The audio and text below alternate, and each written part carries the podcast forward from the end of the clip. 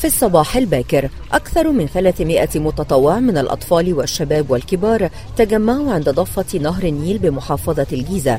استجابة لمبادرة مجتمعية أطلقها مجموعة من الشباب المهتمين بتنظيف نهر النيل والحفاظ عليه عبر وسائل التواصل الاجتماعي. أطلقوا عليها اسم مبادرة فيري نايل.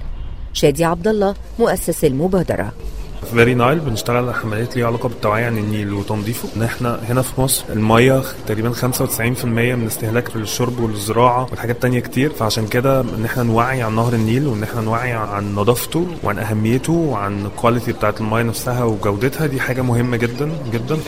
يعني الاستعدادات كانت كبيرة كما الحضور.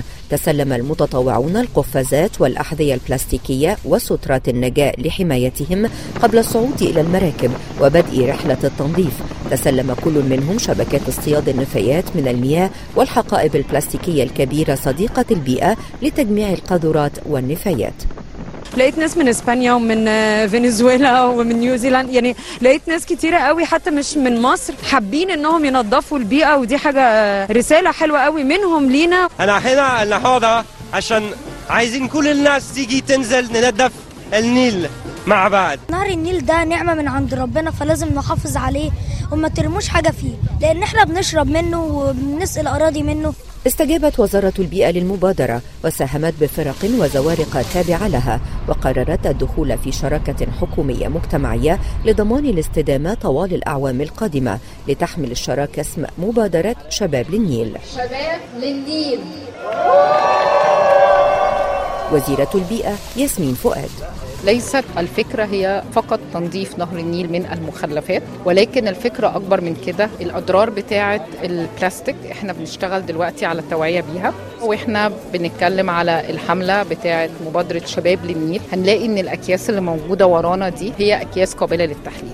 في يوم واحد جمعت الحملة أكثر من ثلاثة أطنان من النفايات لذلك تحول الهدف من مجرد التنظيف إلى التوعية والاستدامة وإعطاء المشاركين خبرة في كيفية إعادة فرز المخلفات التي يمكن تدويرها والأخرى ذات الخطورة على الحياة ليتم دفنها في مدافن صحية تحت إشراف وزارة البيئة. وضع المشاركون في هذه المبادرة استراتيجية لاستكمالها حتى عام 2030 لتتماشى مع استراتيجية الدولة للتنمية المستدامة المقررة حتى نفس هذه الفترة. لتتحول المبادرة من فكرة كان مقررا لها عام واحد إلى استراتيجية متكاملة للحفاظ على نهر النيل شريان الحياة في مصر. دينا إبراهيم من القاهرة مونت كارلو الدولية.